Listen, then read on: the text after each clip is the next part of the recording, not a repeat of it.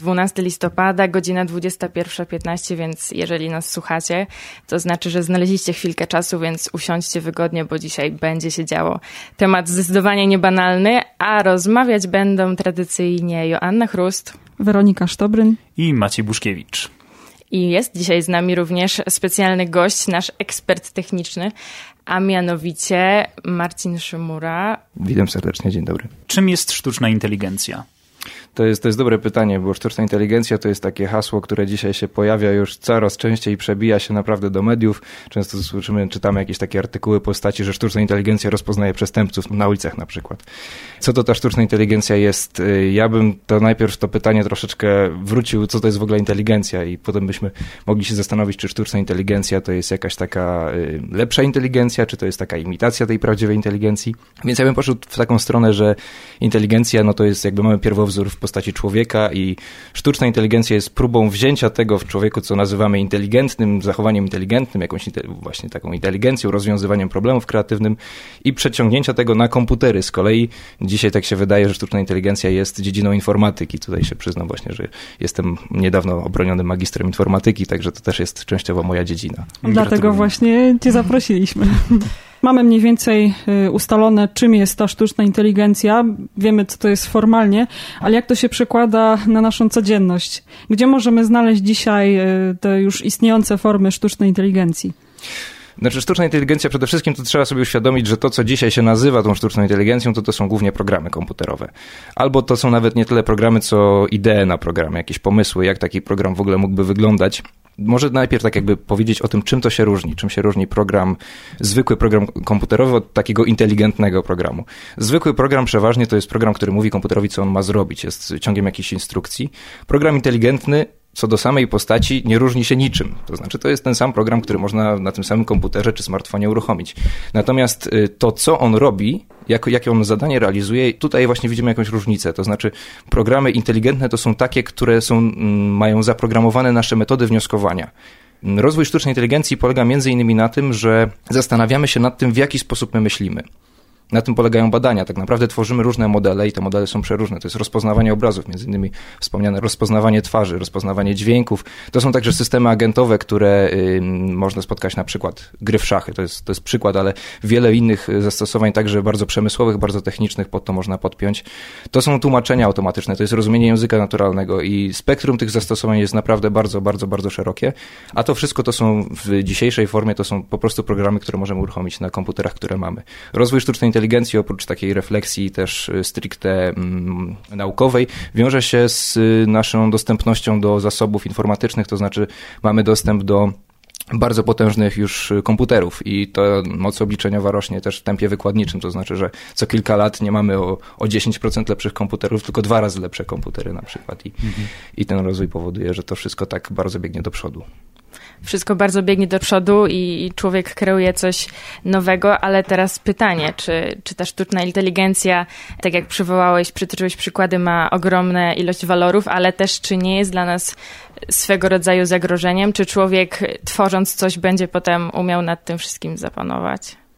Tu myślę, że warto wprowadzić takie rozróżnienie, które też jest popularne wśród y, filozofów tego tematu, czy, czy właśnie ludzi, którzy się tym zajmują jakąś refleksją nad tym. Jest rozróżnienie na słabą sztuczną inteligencję, albo weak artificial intelligence po angielsku i artificial general intelligence. Można to przetłumaczyć jako silną y, AI, silną sztuczną inteligencję. I to rozróżnienie polega na tym, że słaba sztuczna inteligencja to jest jakiś program, który jest wyspecjalizowany do rozwiązywania konkretnego problemu. Y, tego typu programy to już mamy. To są właśnie nasze wspomniane metody do rozpoznawania dźwięków, do rozpoznawania twarzy, także różne programy generatywne, które mm, są w stanie tworzyć różne, mm, różne obrazy.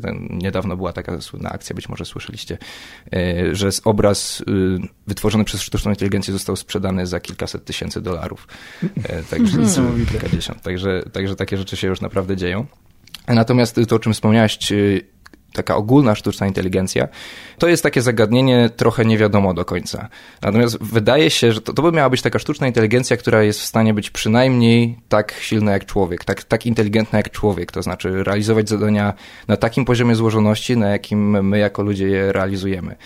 No i teraz właśnie pytanie, czy, czy taka sztuczna inteligencja może powstać? Jest dużo głosów, które twierdzą, że nie, ale jest też dużo przesłanek, zwłaszcza jak kolejne dziedziny naszego życia zostają przez tę sztuczną inteligencję mm, zagrabione, zabierane. Okazuje się, że ona jest w stanie nam dorównywać, a często i nas przewyższać w tych dziedzinach, że zasadne staje się pytanie, czy ta sztuczna inteligencja nas kiedyś nie zastąpi i, i to się może stać nawet całkiem niebawem. Powiedziałeś o tym, że sztuczna inteligencja, czy może ewentualnie przerosnąć e, właśnie ludzki umysł, ale jak tak zastanowimy się właśnie, co robią takie nawet nie sztuczno inteligentne, ale programy komputerowe, które są w stanie przez godziny mielić różne po prostu e, terabajty danych i, i, gdzieś tam obliczać to, to wszystko, robić prognozy, wielkie pogody i, i tego typu estymacje, to czy już teraz jakby nie, nie można by wywnioskować, że ta sztuczna inteligencja, jeśli chodzi o swoją złożoność, troszeczkę wyprzedziła nas jako ludzi, jako nasz intelekt, a jedyne, czego jej brakuje, to takiej samodzielności? Myślę, że nie można tak jeszcze powiedzieć, y, bo to jest też tak, że mimo, że te sztuczne inteligencje wydają się właśnie już takimi niesamowicie zaawansowanymi konstruktami, to one są jednak bądź co bądź w tej, na tym podstawowym poziomie są tylko programami. Nam raczej nie grozi, że będzie, na ten moment nam przynajmniej nie grozi, że taki program się zbuntuje i zacznie na przykład na potęgę produkować spinacze. To jest przykład z takiej bardzo ciekawej książki Kontynent Superinteligencja się nazywa, bardzo serdecznie polecam. I ona w tej książce właśnie autor analizuje, jakie są możliwe strategie, co się stanie, jak już taka ogólna sztuczna inteligencja powstanie, co ona z nami zrobi, z, z ludźmi, czy ona będzie się kierować wartościami, czy, czy nie. No ja bym chciała w takim razie spytać, e, jaki jest taki kluczowy moment, można powiedzieć, rozróżnienia właśnie między tą inteligencją, która jeszcze jest do opanowania, która może nas przerosnąć? W jaki sposób można to no, uchwycić, żebyśmy mieli nad tym jakąś kontrolę, a jednak szli do przodu w tym rozwoju, żeby to nam ułatwiało też naszą codzienność. Mhm. To może ja najpierw zacznę od tego końca. To znaczy, jeśli chodzi o ułatwianie rzeczy, to y, rewolucja związana ze sztuczną inteligencją, ta, która się już teraz powoli odbywa, a tak naprawdę będzie prawdopodobnie trwała i, y, i to nie wiadomo, czy będzie miała nawet koniec, to jest już porównywana do rewolucji na miarę XIX-wiecznego wprowadzenia elektryczności. I faktycznie jest tak, że możliwość zastosowań tej sztucznej inteligencji jest, jest bardzo, bardzo szeroka. Jeśli chodzi o ten moment, w którym sztuczna inteligencja miałaby człowieka przerosnąć, to jedyne, co mogę powiedzieć, to to, że nie wiem. I wydaje mi się, że to nikt tak do końca tego nie wie, jak to jest, w którym momencie ta sztuczna inteligencja będzie w stanie nas, nas wszystkich na przykład pozabijać, albo nas wszystkich, nie wiem, doprowadzić do zbawienia. To myślę, że to drugie raczej się nie stanie. Tym niemniej taka sztuczna inteligencja, y, no pytanie jest, jakimi zasobami ona też dysponuje. W tym momencie używamy jej do bardzo specjalistycznych zadań. To jest jeszcze ciągle y, rozwiązanie bardzo, bardzo konkretnego problemu i chociaż podejmuje się próby stworzenia takiej sztucznej inteligencji, która jest w stanie przenosić te różne sposoby wnioskowania, to na razie tutaj jeszcze nie ma takiego przełomu, w którym byśmy powiedzieli, że jest tak, że naprawdę rozwija się sztuczna inteligencja i ona się uczy absolutnie wszystkiego o człowieku i niebawem będzie o człowieku wiedzieć więcej mhm. niż sam człowiek. Czyli nie można powiedzieć, że tak na teraz y, byłaby taka sztuczna inteligencja, w sensie, żeby istniała, taka porównywalna do umysłu mm, ludzkiego, tak? Nie i wydaje mi się, że też w najbliższym czasie to się nie zapowiada, chociaż oczywiście mogę się mylić, bo to jest też tak, że w momencie, kiedy będziemy mieli sztuczną inteligencję porównywalną do człowieka, no to bardzo szybko ona będzie porównywalna już do całej ludzkości. Czy ja mogę teraz y, zaprosić wszystkich naszych słuchaczy na przerwę muzyczną? I tutaj warto zaznaczyć, że pierwszy utwór, który Wam zaprezentujemy, y, jest y, utworem, który został skomponowany właśnie przez sztuczną inteligencję. Tak jak mówiłeś, sztuczna inteligencja przejmuje bardzo wiele różnych takich dziedzin. Może nie jest tak wysublimowana jak, jak ludzie, ale potrafi tworzyć też piękne rzeczy, jak chociażby ten kawałek. Witamy Was serdecznie po przerwie muzycznej i oddajemy to waszej opinii, czy, czy te utwory e, być może podbiją naszą ludzkość, czy co druga osoba będzie słuchała czegoś takiego, czy nie. A jeszcze wracając do tego, co Marcin mówił wcześniej, do tych wszystkich tam buntów danej sztucznej inteligencji, oglądamy te wszystkie filmy i wyobrażamy sobie, że idzie jakiś robot, który ma jakieś tam uczucia. Czy jest to w ogóle możliwe i jak to się w ogóle dzieje, że dana, y, dany robot może jakoś coś odczuwać? Czy, czy przyszłościowo jest to do zrealizowania, żeby nadać danemu robotowi, nie wiem, żeby na dany bodziec reagował jakimś uczuciem? Y, powiem tak, to jest, y, to co poruszyłaś, to jest y, klasyczny filozoficzny spór o kualia tak zwane, czyli właśnie odczuwanie pewnych, pewnych jakości i on tak naprawdę wydaje mi się, że nie ma rozwiązania. Ja też nie jestem specjalistą od filozofii, więc tutaj mogę tylko tak powiedzieć to, co, to, co wiem, to, co pamiętam. Natomiast no, na pewno robot jest w stanie na przykład w, w pewnym sensie współodczuwać, to znaczy jest w stanie postrzegać drugiego człowieka, tak mi się wydaje, tak jak drugi człowiek jest w stanie za pośrednictwem zmysłów. To znaczy jest w stanie analizować obraz i to analizować go znacznie lepiej, bo jako maszyna ma dostęp nie tylko do widzialnego spektrum, ale do całego spektrum elektromagnetycznego. Jest w stanie rozpoznawać dźwięki, których my nie słyszymy, jest w stanie wyciągać wnioski w sposób znacznie szybszy niż my.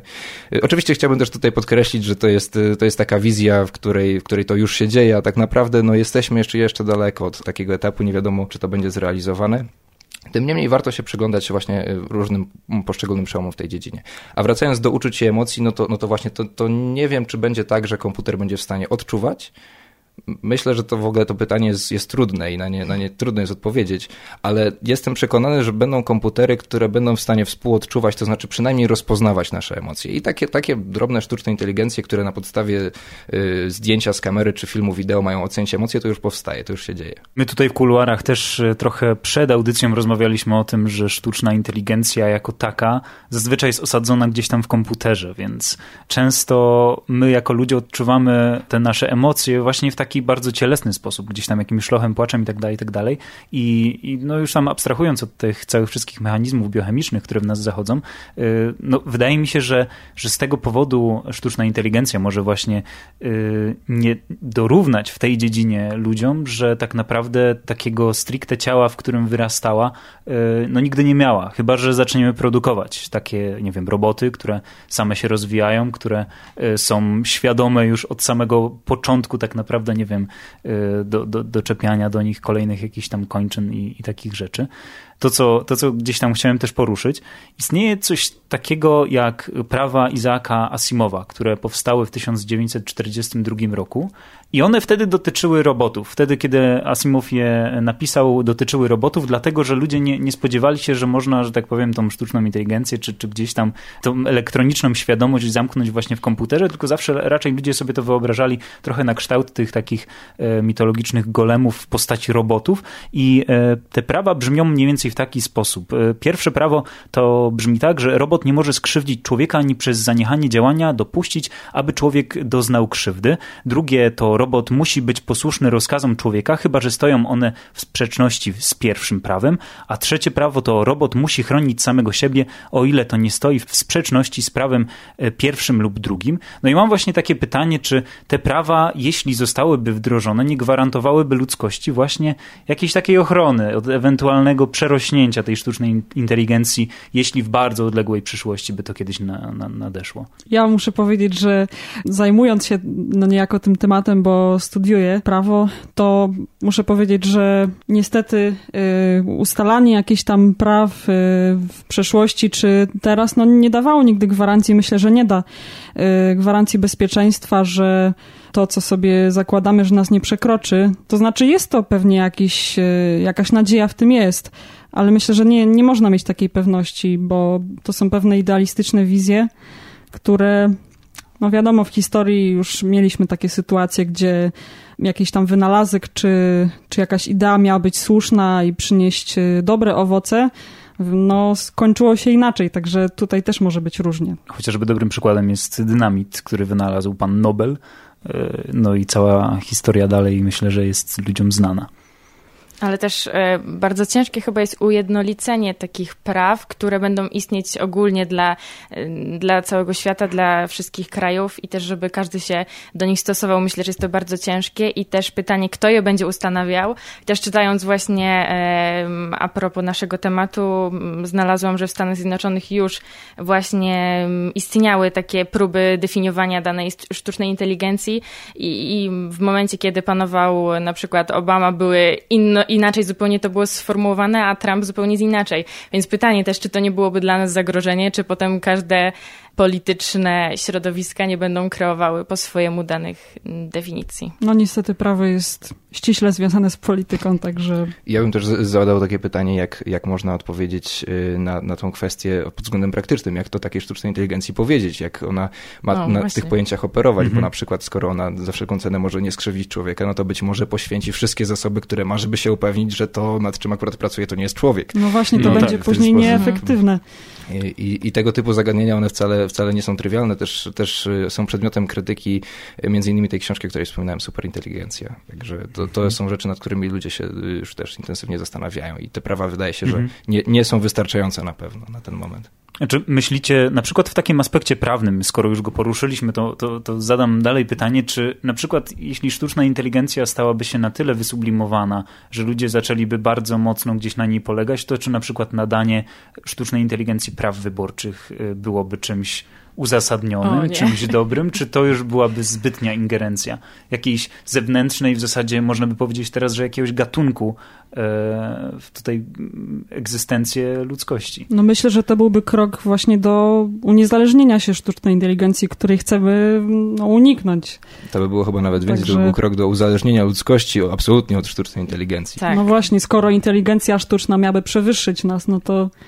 No ale... Byłoby bo... to Mm, śmiało. Byłoby to dość drastyczne, ale też pytanie, czy nawet teraz w obecnym stadium naszego świata, w życiu codziennym, bardzo ciężko jest nam zaufać technice. Mhm. Bardzo ciężko też ta technika, no nie oszukujmy się, teraz idealizujemy tutaj, ale też trzeba spojrzeć na tą stronę, że y, często są też jakieś usterki, coś nie pójdzie, coś, coś jest nie tak, więc czy być może oddać technice tak ważny głos, jak na przykład udział w prawach wyborczych, czy to nie byłoby też zagrożeniem, że coś, coś się zepsuje, coś ten sztuczna inteligencja nie da rady i, i wpłynie to na naszą ludzką rzeczywistość? Na to na pewno jest kontrargument taki, że mimo wszystko w bardzo takich specyficznych zastosowaniach, no komputery jednak, czy roboty są bardziej precyzyjne od człowieka i mylą się rzadziej i nie potrzebują jeszcze przerwy na kawę do tego.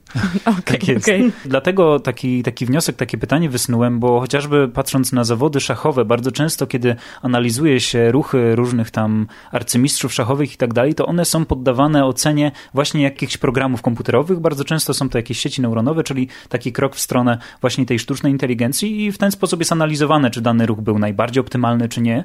I może gdyby to przenieść na taką szerszą scenę, właśnie chociażby polityczną, to czy taki system, taka sztuczna inteligencja nie byłaby dobrym, nazwijmy to takim drogowskazem, że, że no, ona tutaj podaje najbardziej jakieś takie optymalne według zasobów, które posiada e, rozwiązanie, czyli nie wiem, wskazuje e, lepszego lub gorszego e, kandydata. Oczywiście to, to byłoby no, bardzo takie stronnicze i też wydaje mi się, że nie w porządku, szczególnie mhm. jeśli, jeśli ktoś zacząłby gdzieś tam hechmęcić w tych wszystkich e, ustawieniach, e, żeby zdobyć większą popularność. Właśnie. Ale czy, czy taki jakby postronny obserwator, który może być uznany za obiektywnego, nie byłby w takiej codzienności gdzieś użyteczny? Wspomniałeś o właśnie o tym, że sztuczna inteligencja obserwuje i mi się wydaje, że to jest w ogóle bardzo też ciekawa sprawa do poruszenia. E, faktycznie jedną chyba z największych poddziedzin sztucznej inteligencji jest właśnie uczenie maszynowe. I w bardzo, bardzo wielu dziedzinach okazuje się, że stworzenie takich prostych reguł wnioskowania jest bardzo trudne i raczej to, co, to, co się robi, to jest dajemy komputerom olbrzymią ilość danych, a tych danych produkujemy coraz więcej, produkujemy ich olbrzymie już ilości w tym momencie, to są petabajty, to są eksabajty, to są, także już mi brakuje nawet przedrostka, żeby powiedzieć, jakie to są ilości i będzie tego jeszcze więcej, to będzie rosło. Y, nie wiem, na pewno zdajecie sobie sprawę z tego, że, że w domach już mamy smart homes, może, może jeszcze nie w każdym, ale za dekadę, za dwie dekady, no to to już będzie popularne. Ludzie już nawet mają inteligentne kurtki. Te wszystkie dane, będziemy, nie będziemy się chipować, nawet nasze dane medyczne o człowieku, to wszystko będzie wchodziło jakby jako źródło wiedzy dla sztucznej inteligencji. Dlatego można, można myślę się spodziewać jak najbardziej, że, że ona będzie miała takie możliwości wnioskowania daleko szersze niż pojedynczy człowiek. Czy my, właśnie wspomniałeś o smart domach, smart kurtkach i tak dalej, czy my troszeczkę sami na siebie nie, nie, nie, nie, nie wiem, nie powodujemy, nie zarzucamy takiej płachty e, z wizji Matrixa, która pokazywała, że ludzkość w zasadzie była kompletnie uzależniona od sztucznej inteligencji. W sensie inaczej. Sztuczna inteligencja, a potem stworzenie oczywiście całej armii robotów w zasadzie po prostu zniewoliła ludzkość i karmiła się tą naszą energią. Czy my troszeczkę w ten sposób e, nie idziemy? Czy, czy my właśnie, tak jak Asia mówiła na początku, mhm. za bardzo nie ufamy tej technologii sztucznej inteligencji tutaj w domyśle? No ja bym właśnie powiedział, że w momencie, w którym stwierdzimy, że sztuczna inteligencja wie lepiej od nas, co jest dla nas dobre, no to postawilibyśmy ją na pozycji Boga dla nas tak, tak uważam, że to już, byłoby, to już byłby ten poziom, na którym faktycznie uznajemy, że, że ona nas przewyższa do tego stopnia, że my już właściwie nie mamy tutaj nic do powiedzenia. I to był moment, którego ja się naprawdę sam bym bał. Ale w zasadzie powoli ludzie zaczynają trochę tak traktować sztuczną inteligencję, chociażby patrząc na, yy, znaczy może nie, że traktować, ale sami sobie chyba próbujemy podsunąć taką myśl, chociażby patrząc na różne algorytmy, które e, wyszukują dla nas najbardziej odpowiednie reklamy. Czy to właśnie nie jest dobry przykład na to, co powiedziałeś? Czy my trochę już jednego takiego półkroczku jednym palcem nie jesteśmy w tym temacie? To znaczy właśnie, no to jest taka kwestia, że to nie do końca my to robimy, bo to się nam trochę robi, bo to się faktycznie mm, opłaca, to się opłaca ludziom, którzy chcą coś sprzedać, to się opłaca ludziom, którzy właśnie te systemy tworzą. No i tak naprawdę to, to jest wyzwanie na poziomie, na poziomie społecznym, to jest takie wyzwanie, yy, które, na które musimy sobie jako ludzie, jako, jako ludzkość nawet odpowiedzieć. To nie jest kwestia, którą może, możemy podjąć jakby każdy z nas z osobna. Myślę, że to, jest, to powinno być przedmiotem naszych debat i to już się też dzieje na poziomie parlamentów, na poziomie właśnie międzynarodowym też, y, po to, żebyśmy nie, nie stali się przez tą sztuczną inteligencję zniewoleni żebyśmy mieli też możliwość y, działania w wolności. To teraz kolejna muzyczna przerwa. Mam dla was utwór y, Donalda Feigena z 1982 roku o Międzynarodowym Roku Geofizycznym. Okej, okay, to wracamy do Akademika. Słuchacie nas w Radiu Emaus i przy okazji e, zachęcam was do pisania do nas e, maili na adres e, akademik.audycjamałpa.gmail.com Jeśli macie pomysły dla nas na jakieś audycje, to bardzo chętnie je przeczytamy. Jeśli chcecie podzielić się swoimi wrażeniami, to tym chętniej się tego dowiemy, jak podobają się wam nasze audycje. Tymczasem wracamy do naszej rozmowy o sztucznej inteligencji.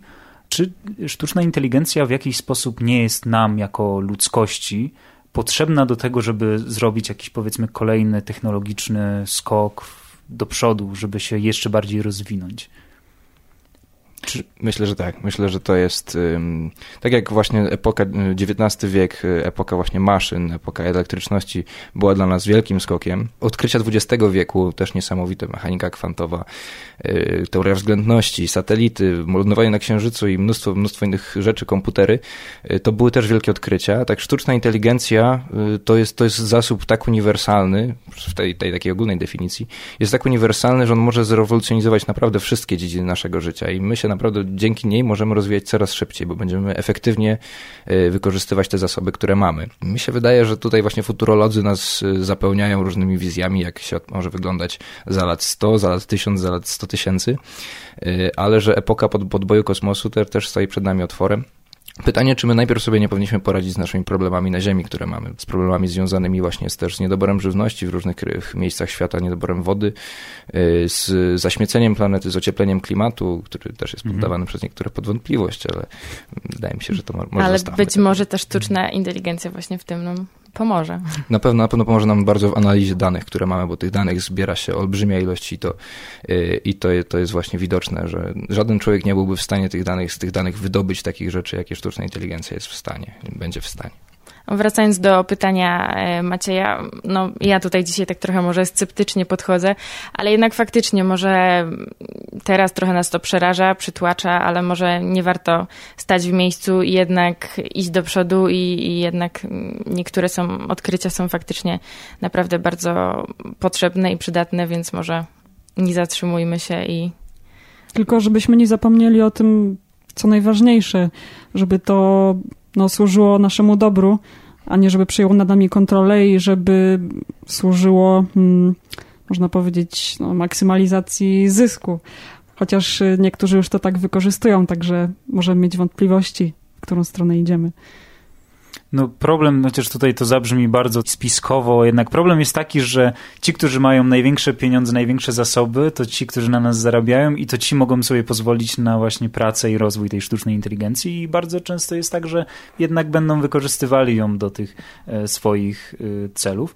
A propos samych podróży na Marsa, to myślę, że wielu słuchaczom i mi też kojarzy się teraz postać Elona Muska, który właśnie chce zrewolucjonizować tą, tą sferę, żeby, żeby ludzkość jakby, tak jak jeździmy, lecimy sobie na przykład na, na wakacje gdzieś tam do Egiptu, niektórzy do Stanów, czy gdzieś tam do Australii, do Azji, e, żeby niektórzy mogli w ten sam sposób podróżować właśnie na przykład na Marsa, żeby skolonizować go i żeby w ten sposób rozwiązywać problemy e, dzisiejszej ludzkości, dzisiejszego świata, na przykład przeludnienie, żeby troszeczkę tak to wyglądało Oczywiście, tak jak w przypadku wielu takich śmiałych e, idei, koncepcji, jest bardzo wielu sceptyków, ale sam Elon Musk też mi się właśnie kojarzy z pewnymi wypowiedziami na temat sztucznej inteligencji, bo on też jako e, jeden chyba z bardzo wielu założył pewien startup, który nazywa się OpenAI, E, właśnie w ramach którego grupa informatyków po prostu tworzy sieci neuronowe sztucznej inteligencji, takie, które są w stanie w tym momencie same nauczyć się grać w różne gry komputerowe i pokonywać mistrzów świata w te gry. I to robią w ciągu dwóch tygodni. Jakby w czasie, który jest e, niesamowity dla, dla zwykłego człowieka.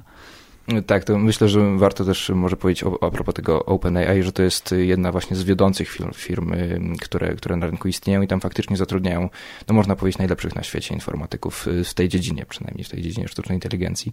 Jednym z takich ich osiągnięć, całkiem myślę, że dla, dla środowiska graczy znanym jest y, to, że oni tworzą sztuczną inteligencję, która gra w grę y, Dota 2. To jest taka gra, która jest bardzo popularna, to gra na, na bieżąco kilka milionów ludzi, tak mi się wydaje. I są Mistrzostwa Świata raz do roku. Takie, jest oczywiście wiele innych turniejów, ale takie, takie Mistrzostwa Świata, na których oni zaprezentowali właśnie w tym roku cały zespół pięciu komputerów, każdy z nich właśnie te, będący taką sztuczną inteligencją, które współpracując ze sobą e, miały za zadanie pokonać człowieka. Wydaje się mi się, że bilans to był 2 do 1 dla ludzi, jednak mimo wszystko, że im się nie udało wygrać. Tym niemniej sam fakt, że oni podjęli wyzwanie, że te komputery były w stanie podjąć wyzwanie i stawić czoła człowiekowi, e, no był całkiem imponujący. Mhm. Oj, to ja tutaj szybko przytoczę e, przykład do tego, co mówisz, że ja znalazłam informację, że w 1996 roku już e, pewien Rosjanin właśnie się zmierzył z komputerem e, co do gry w szachy i wynik był taki, że na początku on wygrał, ok, ale w dogrywce właśnie wygrał komputer i już w tamtym, w tamtym okresie był ten wynik 1-1, a jeszcze z tego, co doczytałam, to dwa lata temu też pewien Koreańczyk już tam w pewną grę, w której się tam nie będziemy wgłębiać w zasady, e, właśnie zmierzył się z komputerem mhm. i to komputer wygrał 4-1. To dokładnie o, chodziło kurczę. o grę w Go. To tak, była tak, gra, tak. która teoretycznie przez wielu ekspertów była uznawana za najtrudniejszą, najbardziej skomplikowaną grę, w którą żaden komputer nie był w stanie nigdy pokonać człowieka i właśnie to się też A stało, jednak. też dotarłem do tej informacji. Wracając jeszcze na moment do e, Elona Muska i tej jego inicjatywy. Elon Musk jest człowiekiem, który wedle mojej wiedzy jest e, raczej sceptykiem. Znaczy może nie sceptykiem, ale bardziej ostrożnym człowiekiem. Ta jego mhm. inicjatywa OpenAI właśnie między innymi dąży do tego, żeby w tę sztuczną inteligencję przynajmniej spróbować wtłoczyć jakieś wartości, żeby nad tym jej rozwojem otoczyć jakąś taki, jakiś taki płaszcz ochronny, żeby ona służyła faktycznie jakby ludzkości i naszym ideałom. No pytanie, czy takie ideały wspólne to da się w ogóle sformułować, no ale właśnie. to już jest osobna kwestia. No.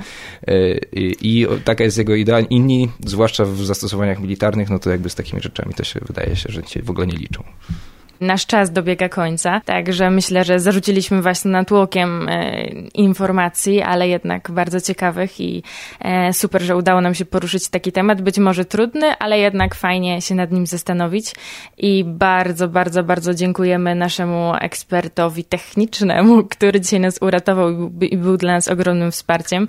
Dzięki za obecność. Dzięki bardzo za zaproszenie. I mamy nadzieję, że pomyślicie trochę nad tym tematem, bo to jest coś, co jest ważne, rozwojowe i dzieje się wokół nas. Dziękuję Wam bardzo. I Anna Chrust. Weronika Sztabryn. Maciej Buszkiewicz i naszym gościem, naszym ekspertem był Marcin Szymura. Do usłyszenia za miesiąc.